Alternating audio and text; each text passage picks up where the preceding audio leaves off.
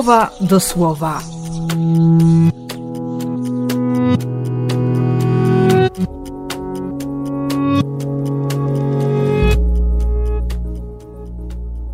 Dwudziesty siódmy czerwca, wtorek.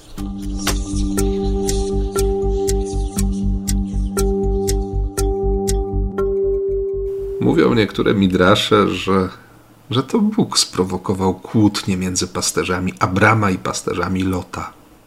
Bo Abram miał swój plan, swoje wyjście awaryjne. Oboje z Saraj nie byli w ciemię bici. Wiedzieli, że biologia to biologia, że pewnych rzeczy nie da się przeskoczyć tak po ludzku. Więc w odwodzie był jeszcze bratanek, był Lot. Żeby się spełniło słowo, żeby słowo stało się ciałem albo życiem, to trzeba powiedzieć: jeśli pójdziesz w lewo, ja pójdę w prawo. Jeśli ty w prawo, ja w lewo. Pewnie, że Abram będzie obserwował to, co się dzieje u Lota. Abram będzie walczył o Lota przynajmniej dwa razy. Najpierw, kiedy go uratuje po porwaniu, później, kiedy będzie walczył o Sodomę. I to jego pragnienie będzie tak wielkie, że, że Bóg pośle aniołów do Sodomy, którzy wyciągną Lota za szmaty. Spójrz, zacznij widzieć. Zobacz, że to, co cię otacza, jest obietnicą Boga, jest przestrzenią działania Boga. To życie, takie życie. Nie wiem jak ty, ja często wtedy bywam niewierzący. I daleko mi do postawy Abrama, który idzie pod dęby Mamre, czyli to miejsce zastanawiania się, rozgoryczonego zastanawiania się, buduje ołtarz dla Pana i znów składa ofiarę, czyli znów przyznaje Bogu rację.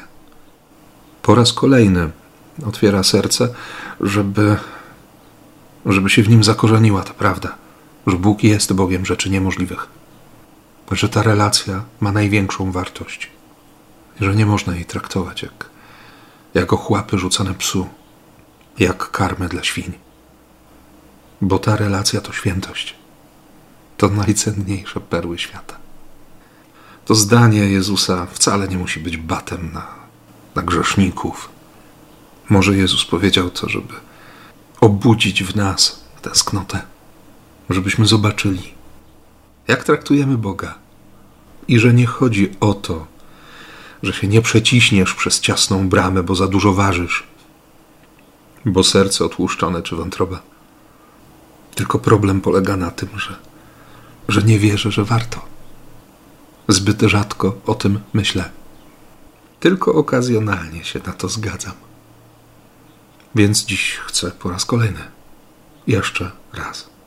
I chcę, aby to jeszcze pojawiało się dzień w dzień jeszcze raz docenić, jeszcze raz poznać, jeszcze raz zapragnąć, jeszcze raz zatęsknić, jeszcze raz pokochać, jeszcze raz powiedzieć: Mój skarbie.